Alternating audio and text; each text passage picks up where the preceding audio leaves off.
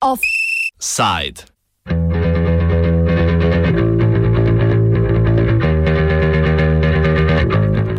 Fratelli d'Italia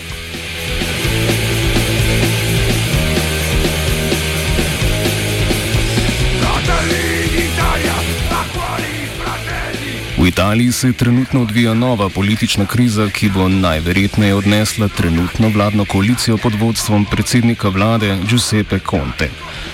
Ena od stran koalicije, Italija Viva, ki jo vodi nekdani premijer Matteo Renzi, je namreč vladi odrekla podporo. Iz nje je pomaknila svoji dve ministrici Terezo Belanovo in Eleno Boneti. Po Renzijevih besedah je razlog za to odločitev nestrinjanje z vladnim načrtom, obnove države po trenutni gospodarski krizi. Največji kamen spotike je ustrajanje največje koalicijske stranke, gibanje petih zvest, da Italija ne sme sprejeti 37 milijard evrov pomoči v sklopu Evropskega reševalnega mehanizma. Yeah.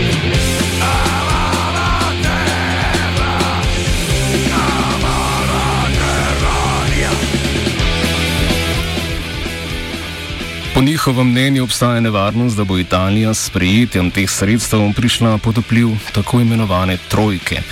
Evropske centralne banke, Mednarodnega monetarnega sklada in Evropske unije. Mehanizem, ki so ga omenjene institucije oblikovane za primer novih dožniških kriz v evroobmočju, pesti kronično pomankanje zaupanja strani držav članic, ki denarja zaradi strahu pred pogojevanjem pomoči škodljivimi ukrepi vrčevanja ne želijo sprejeti. Kljub zagotovilom trojke, da nov mehanizem ne zahteva tako strogih ukrepov in je za države bistveno ugodnejši, in večina članic, ki bi sredstva zaenkrat lahko koristile, očitno ne zaupa.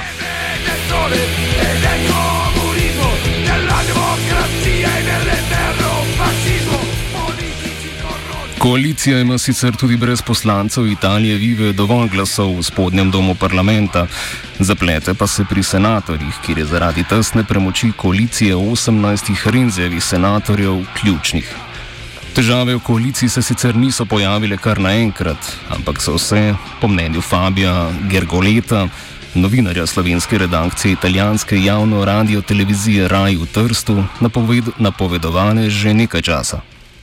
Pravzaprav je bil ta umik, ta korak nekako napovedan že dlje časa, od takrat, ko je po nastanku te vlade eh, bila sploh oblikovana Italija Viva. Ne pozabimo, da je vladna koalicija nastala eh, kot dogovor treh eh, sil, to je eh, največja politična sila v parlamentu, gibanjem petih zvezd, demokratsko stranko in gibanjem svobodni in enakopravni, to je italijanska levičarska stranka, eh, na kar so se v demokratski stranki odnosi zaostrili, bivši premijer in nekdanji vodja te stranke, demokratske stranke, pač Mateo Renzi je ustanovil svojo politično silo znotraj vlade in eh, Pristopili so nekateri številni eh, poslanci in predvsem senatorji in, eh, in pač nekako nakazal željo po samostojni poti. V ozadju pa je itak že znano in tudi eh, nekako, ko bi rekel, pa ste slike smo videli že veliko krat, tudi eno, eh, skoraj da bi rekli, osebno eh, nerazumevanje recimo tako med predsednikom vlade, sedanjim in bivšim. Poleg omenjenih vsebinskih nesoglasij pa je po mnenju našega sogovornika v ozadju tudi politično nezadovoljstvo nekdaj predvsej bolj priljubljenega Renzija. Si predstavljam, da politik, ki je bil še do pred nekaj leti v, na višku svoje slave, bil predsednik vlade, je na evropskih volitvah z demokratsko stranko zbral več kot 40 odstotkov glasov, da se daj nekako životari pri par odstotkih. Mislim, da je njegov občutek eh, margin, marginaliziranosti eh, tako viden in občuten in da je ta eden izmed razlogov, da tudi s takšnimi potezami išče svoje mesto pod soncem. Po drugi strani eh, ne pozabimo, da je pač italijanska dnevni tisk in elektronski mediji zadnjih nekaj dni govorijo samo o njem.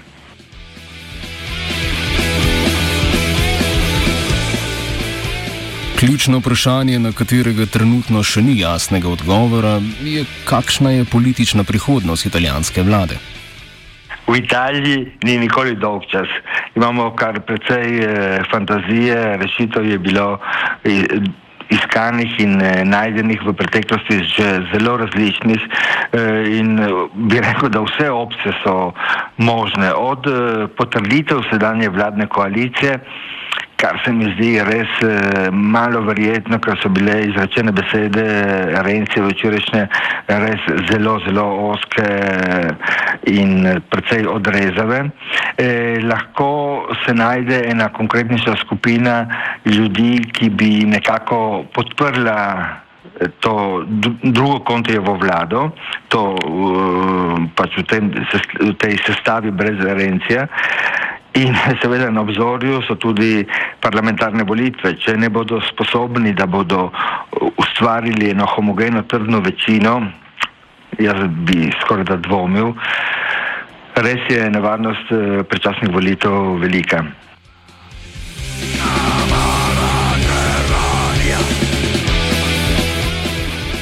Tem se strinja tudi nekdani slovenski veleposlanik v Rimu Bogdan Benko ki podarja, da bo ključno vlogo pri odločitvi o prihodnosti italijanske vlade nosil tudi predsednik republike Sergio Mattarella.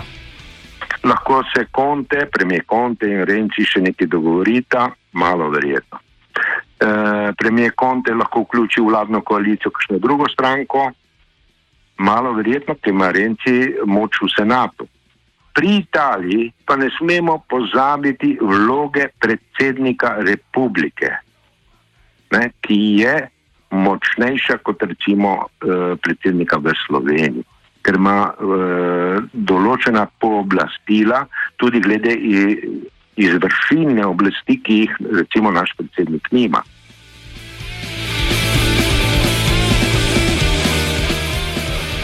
Primeru ponovnih volitev, ki so kljub trenutni epidemiološki situaciji še vedno ena od možnih rešitev za politično krizo, pa se obetajo številne spremembe. Število senatorjev v zgornjem domu se bo namreč zmanjšalo za tretjino. Ja, pobudniki tega skrčenja števila parlamentarcev pravijo, da bo delo bistveno bolj tekoče, da bo manj teh kriz, da bodo večine bolj trdne. E, nasprotniki pa pozarjajo, da predvsem tisti, ki so marginalni deli, tisti, ki so manjšinski deli, vse, vse te stvarnosti, ki niso del velikega. E, imenujemo ga tako cirkusa, bi imeli bistveno večje težave, da bi bil njihov glas slišan. In bojimo se, da se bo to uresničilo tudi, kar se tiče naše narodne skupnosti.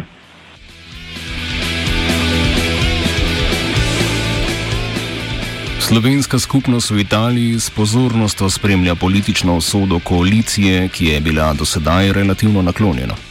Zgodovinsko je bila demokratska stranka, še prej eh, od KPI-ja naprej, stranka, ki je vedno zagotavljala slovencem svojega predstavnika v parlamentu. Sedaj imamo senatorko Tatjano Rojc, ki je tudi zelo čislena in ima res tudi pomembno vlogo v stranki, ne glede na našo narodno skupnost, ki seveda je odvisna od vlade. Mi eh, od vlade potrebujemo sredstva, da sploh eh, eh, živimo nekako kot manjšinska skupnost možnost.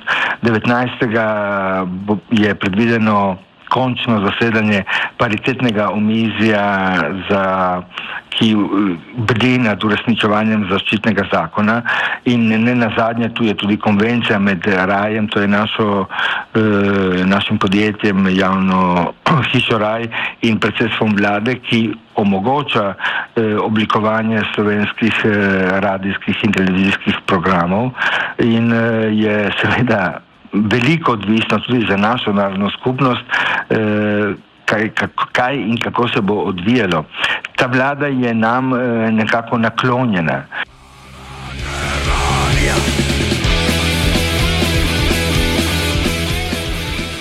Ne glede na morebiten razplet trenutne krize, pa ta za italijansko politično sceno niti ni tako nenavadna. V Italiji je proporčni sistem in torej velika fragmentiranost v parlamentu in itak že vse splošno velja ugotovitev, da eh, med levico in desnico, demokrati in republikanci, kakorkoli že vzamemo, eh, je 10 odstotkov razlike, 40 proti 60 tem, in torej ni dovolj, eh, eh, ni potrebno prav veliko ljudi prepričati, da se, da se, mm, da se politična sreča nasmehne enemu ali drugemu. Ampak velja vendarle poudariti, da kljub eh, vsem številnim preko 50 vladam, ki je imela Italija v tem povojnem času, eh, država nekako funkcionira, ker je državni aparat eh, tako eh, naoljen in tako zverziran, da tudi vse te krize mu nekako ne more doživega.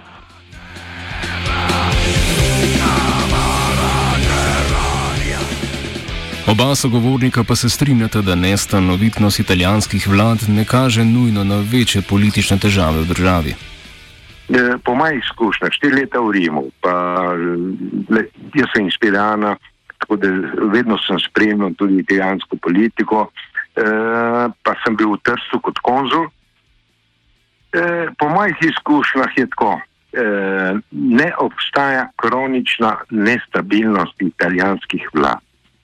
V Italiji je demokracija, ki non-stop se obnavlja preliva in tako naprej.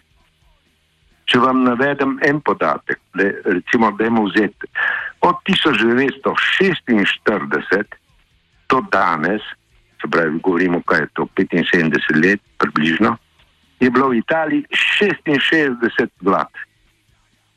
Ampak volitve so bile redne. V Italiji se vedno zmenijo. Modus vivendi italijanske demokracije, modus vivendi to je tako. Ali pa če hočete, kaj je že, pantaklej, ne, vedno se. Ne, nikdar ne stopiš v isto reko, čeprav je ista reka. Ne. Ne, to je način življenja, demokracije, političnega razmišljanja eh, in tako naprej.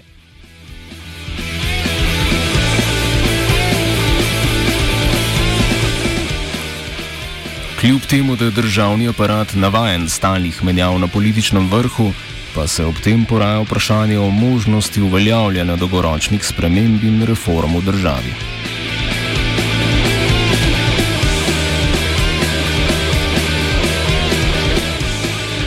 V italijansko vladno pico je zarezal koruza.